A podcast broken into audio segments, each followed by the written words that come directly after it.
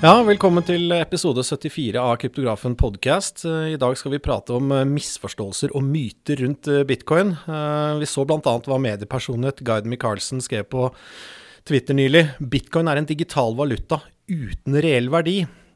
Slik jeg ser det, er verdien i dag 599 milliarder dollar. Men det kan selvfølgelig svinge. Hva syns du verdien er, Torkel Rokstad? Jeg må nesten si meg igjen der, Rikard. Det er et veldig spennende spørsmål. Hvordan definerer man egentlig verdi? Og det at bitcoin ikke har noe reell, eller kall det Noen sier reell, andre sier intrinsic, iboende. At, at bitcoin ikke har noe iboende verdi, er en veldig vanlig anklage mot bitcoin. Men jeg syns egentlig at hele konseptet iboende verdi blir jo veldig rart å snakke om.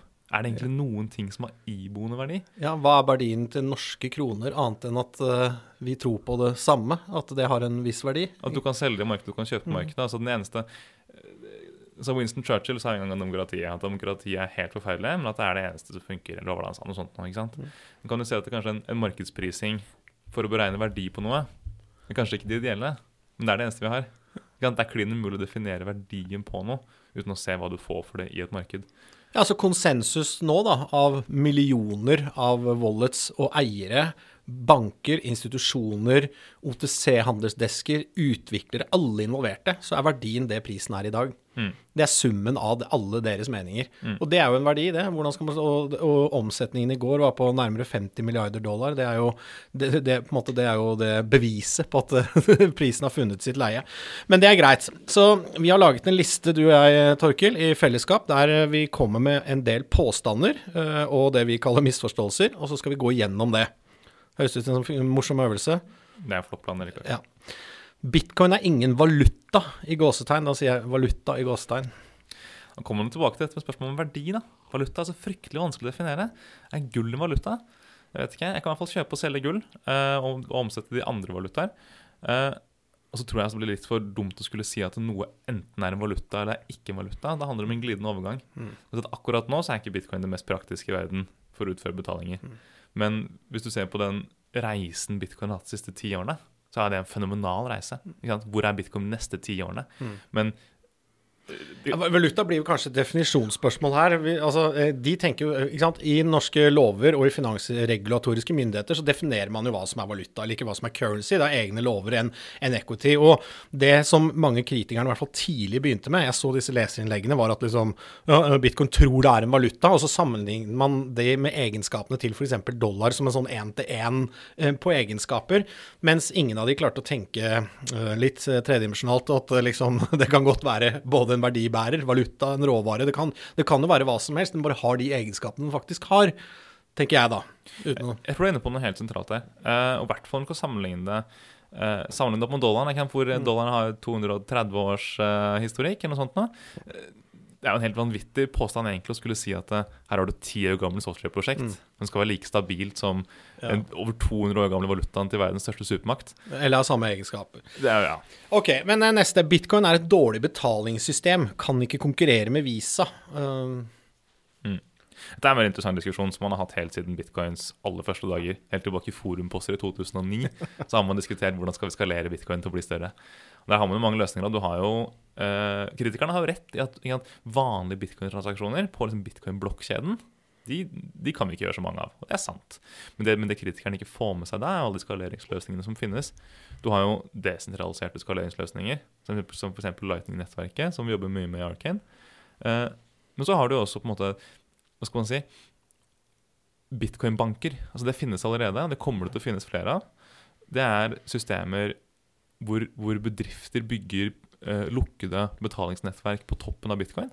På samme måte som Visa er et lukket betalingsnettverk på toppen av dollaren.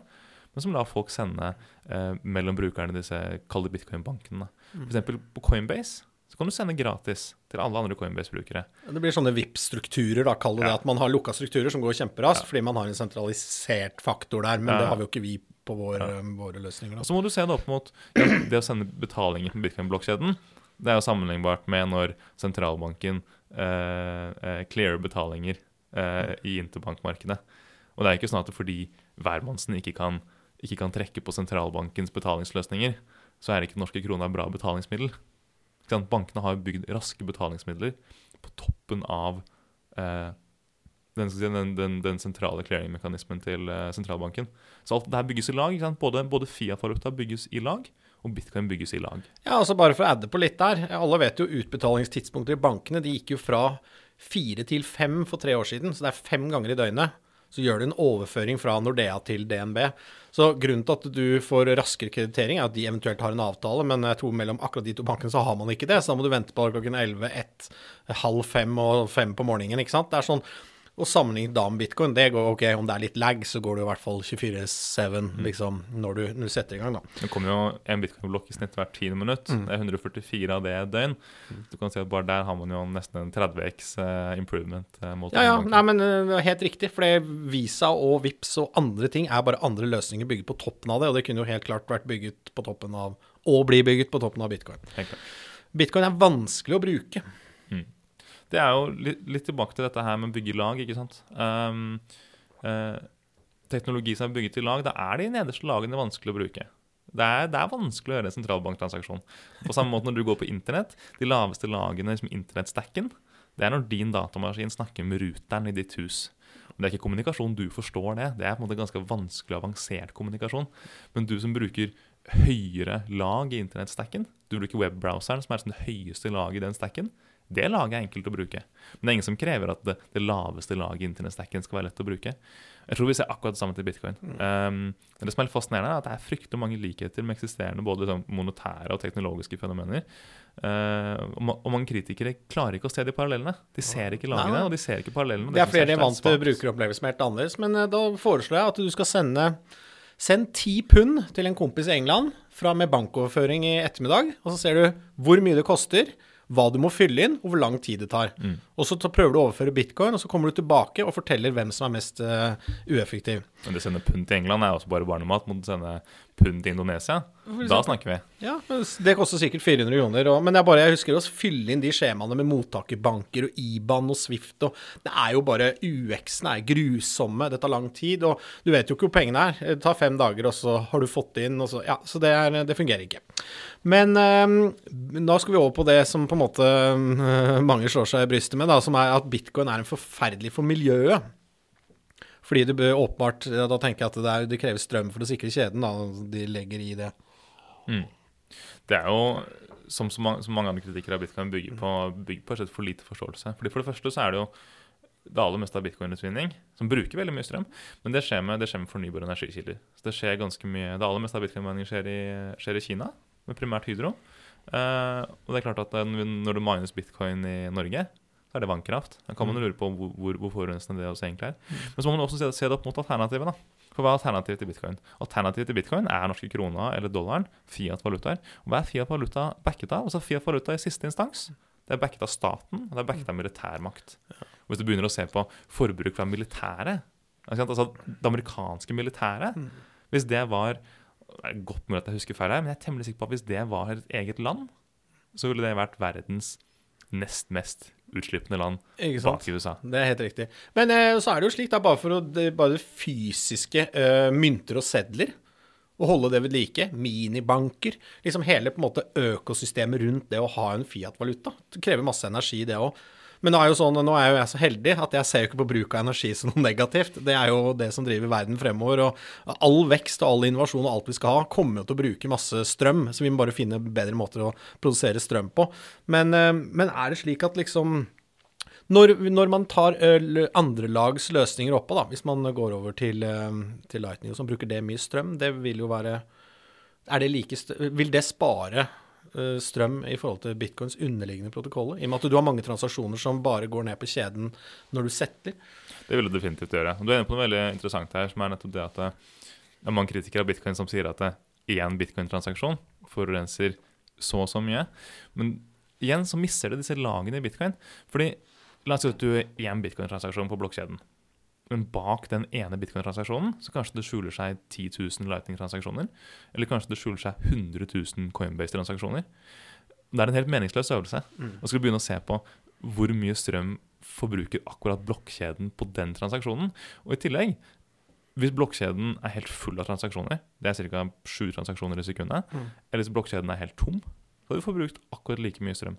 Så bare det å begynne å se på liksom, én transaksjon forbruker så og så mye. Det er en vanskelig øvelse i det hele tatt. Men helt klart, det å bygge lag er jo enormt energibesparende her også.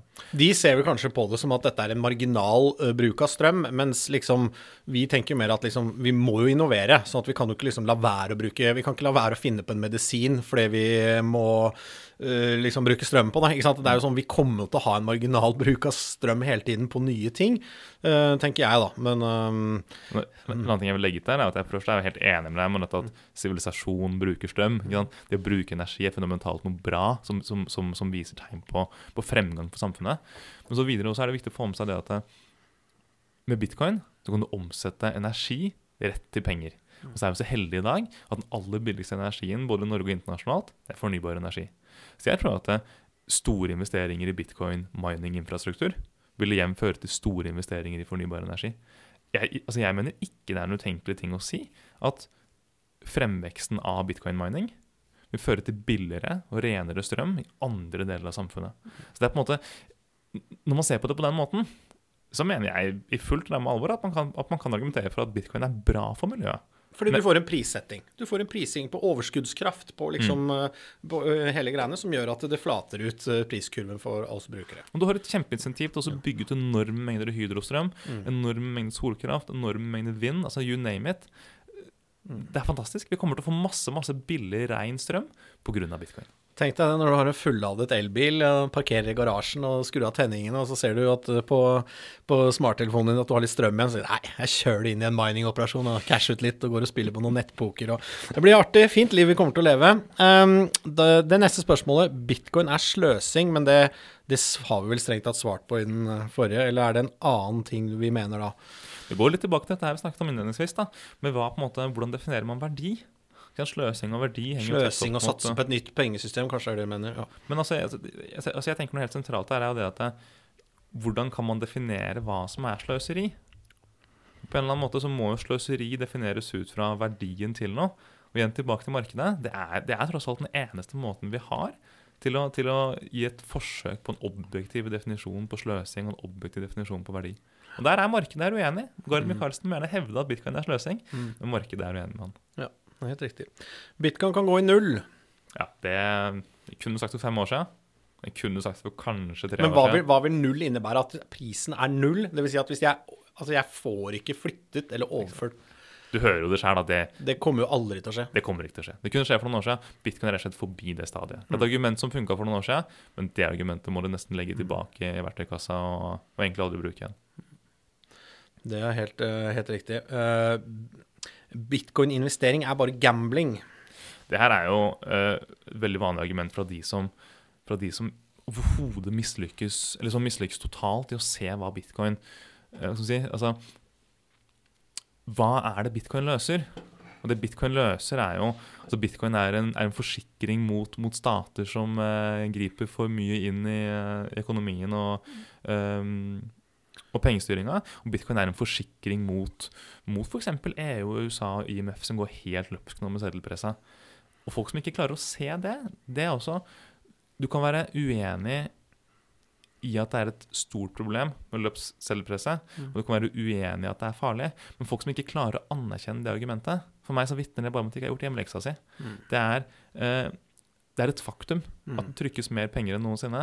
Det er et faktum at statene bruker og tar opp gjeld i et tempo vi ikke har sett maken til noensinne. Mm. Og da kommer man å si at bitcoin bare er gambling, uten å se den klare hedgen mot dagens økonomiske klima, det, det blir Ja, det, det var jo på en måte fine, men også store ord. Det er liksom sånn, eh, Jeg tenker jo bare på bitcoin som digital tillit. Ja, ikke sant? Det er sånn for Mer enn det vokser, og mer enn for utbredelse. Det er, først så oppnår vi det som kan kalles digital tillit. Og hva er det verdt for noe? Det har vært masse, det. At vi faktisk kan stole på at en, et verdiobjekt er verdt like mye i Japan som det er i Kina, som det er der. Liksom, det har jo aldri vært sånn før. Du har aldri hatt på en måte unconditional trust uh, i noe sånt noe tidligere. Mm. Som igjen setter jo da uh, pengetrykking i et dårligere lys. For det er jo ikke tillit. Du kan jo ikke ha tillit til at de ikke trykker mer neste gang. Eller at de må sette opp skatter eller kutte i velferdstjenester, eller at ting går, går til helvete. Bitcoin blir 21 millioner uh, coins, det. Og det er den tilliten. Mm. Og, og blokkjeden er ikke brutt. En annen parallell man kan trekke litt der på dette med gambling, er jo å se på andre markeder, f.eks. I, i, i Forex, i valutatradingsmarkedet. Mm så tror jeg det er en sånn 80-90 av alt volumet i, i valutamarkedet. Altså utenom bitcoin, men i euro, og dollar og yen og whatever. Det er ikke eh, volum som er der fordi folk ønsker å veksle for å bruke dollar. Mm. Det er ren finansiell spekulasjon. Ok, Skal man da si at eh, dollaren bare er et gamblinginstrument? Fordi 80% av dollarvolum er spekulasjon? Selvfølgelig ikke. Det er bare en konsekvens av å ha et marked hvor folk verdsetter en vare. Så får du også spekulasjon rundt den varen. Det er en helt naturlig del av å ha et fungerende marked. Ja, det er jo det som heter price discovery. Liksom, det er jo i, i usikre tider. Um, ja, det svingte mye i valutamarkedet når disse menneskene stormet Kongressen, f.eks. For, eksempel, for da ble man nervøs på hvorvidt man gjennomførte en eh, presidentovergang eller ikke. Hvordan priser du det? Hvis du sitter på masse dollar, du sitter på masse euro, du sitter på svære posisjoner, så plutselig oppstår det usikkerhet. Sånn vil det også være i en tidlig fase med f.eks. bitcoin. ikke? Den, den vokser, men så kommer det på en måte uttalelser eh, fra regulatoriske myndigheter, så vil den kunne falle. Fordi du vet ikke hvordan du skal gjøre price discovery når ting oppstår og er usikkert.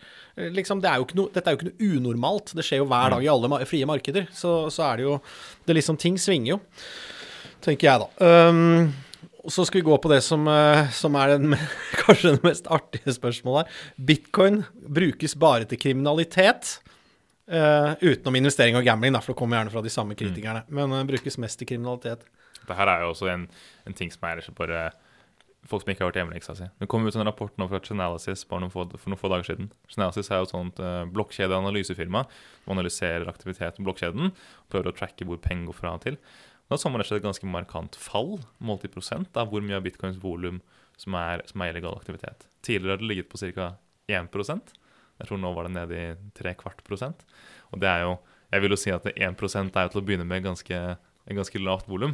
Um, men, men dette her er også um, Siste året, særlig siste året har man også sett utrolig mange eksempler på, på bitcoin som, eh, som løser problemer som ikke tidligere ble kunnet løst. F.eks. da det var uroligheter i Hviterussland um, i fjor.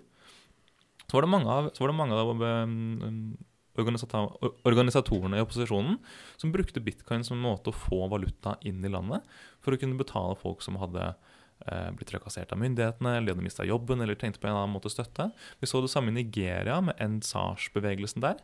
Det ble fraktet valuta inn i Nigeria ved hjelp av bitcoin. Det var vanskelig å få dollar inn, det var vanskelig å få andre valutaer inn, men bitcoin fikk det inn. Så det ser man, så det ser man ganske mange steder at eh, i samfunn hvor den lokale valutaen er i ferd med å enten bryte sammen eller på en eller annen måte ikke funke for noen, f.eks. For fordi du ikke liker regimet. Og ser på at Der fyller bitcoin en rolle som er helt umulig å fylle med noen annen teknologi. Ja. Det er helt riktig. En liten sånn uh, follow-up fra min eh, kant av bordet der er at liksom eh, Jeg vil jo si at innen svært kort tid så er vel bitcoin det dummeste du kan bruke hvis du skal bruke det til eh, kriminalitet. Det er jo en åpen blokkjede som du kan analysere frem og tilbake. Og nå krever jo alle Fiat on and off-ramps eh, krever jo full KYC i alle vestlige land. så jeg, jeg forstår ikke, det må jo være det dummeste du gjør, er å legitimere deg og så og gjøre utbytte på et eh, Hvis du ikke går på en mixer eller andre, men da er det jo plutselig blitt eh, hva skal jeg si, kriminelle bitcoin som kommer på andre siden, sett i myndighetenes lys, da. Så mm, jeg bare, det der tror jeg kommer til å dø ut. Kanskje det blir et parallelt system, men eh, det der, i hvert fall for, for vanlige som er tilknyttet en Financial Action Task Force, eh, som er basically 34 av OECD-landene som er tilknyttet det dollarregimet. Der, eh, Mm. der får du ikke gjort så mye uten eh, å legitimere deg. Du ser jo det på en del darknet-markeder også, hvor det faktisk kjøpes og selges mye illegale ting. Um, I begynnelsen var de bitcoin only, da bitcoin var den eneste som fantes. Um, med tida så gikk de fleste over til å være en hybridløsning på bitcoin og Monero. Um, men etter hva jeg har sett eh, fra sidelinja, så ser det ut som den siste månedene flere av de har gått over til å kun bruke Monero. Mm. Og det er jo, som du er inne på, ikke sant? Vi, ser jeg for meg her, en helt klar reaksjon på at eh, det er vanskelig å komme seg inn og ut av bitcoin, særlig i volum, uten å legge en spor på hvem du er. Det er, og så går vi mot, uh, mot slutten her. Kan, eh, kan bitcoin erstatte Fiat-valuta? Hva, liksom, hva skjer down the line? Og vi var sånn usikre på om vi skulle ta med det spørsmålet eller ikke, fordi nå er vi langt ut på tidskurven som gjør at det, det er vanskelig å spå. Det blir jo liksom på en måte bare synsing og meninger. Men eh, hva tenker du? Kan eh, bitcoin erstatte Fiat-valuta? Jeg tror, er, jeg tror det er bra å prøve å finne paralleller til andre monetære fenomener som har skjedd tidligere, og som skjer i dag. Og, og en helt klar parallell der er jo alle de landene hvor enten myndighetene eller, eller innbyggerne har gitt opp å bruke den lokale valutaen. Eh, ta f.eks. Zimbabwe. For noen år siden så, så ga de opp å bruke eh, den lokale valutaen, og de begynte å bruke dollar. Eh, du ser det i alle land som opplever hyperinflasjon. De rett og slett gir opp å bruke sin lokale valuta, og de bruker dollaren istedenfor. Fordi dollaren er en bedre valuta. Og Jeg tror man kan se den samme mekanismen med bitcoin. Men så kommer selvfølgelig ikke bitcoin til å ta om for dollaren først. Dollaren er jo fremdeles king og kommer til å være det lenge. Um, men du ser også det at uh, i de landene hvor bitcoin-søkeinteressen på Google er høyest, og i de landene hvor peer-to-peer exchanges er høyest volum, det er land som f.eks. Venezuela, Nigeria. Land som har, for, for å si det mildt, da, trøblete forhold til lokal valuta. Um, så jeg tror, at, jeg tror at man skal um, Det å hevde at bitcoin kommer til å ta om for dollaren, det skal jeg kanskje ikke si at det er å hevde. Men jeg tror samtidig at de menneskene som totalt underkjenner bitcoins mulighet til å utkonkurrere Fiat-valutaer, de burde kanskje tenke seg om en gang til. Ja, men det var, eh, Da skal ikke jeg ødelegge den fine avslutningen der med, med mitt visvas. Og det der var veldig veldig fint svar. Og så takker jeg for tiden din igjen, eh, Torkel. Det er eh, alltid en glede å ha deg her. Du er kunnskapsrik og flink til å formidle. Tusen takk, Rikard. Ha det.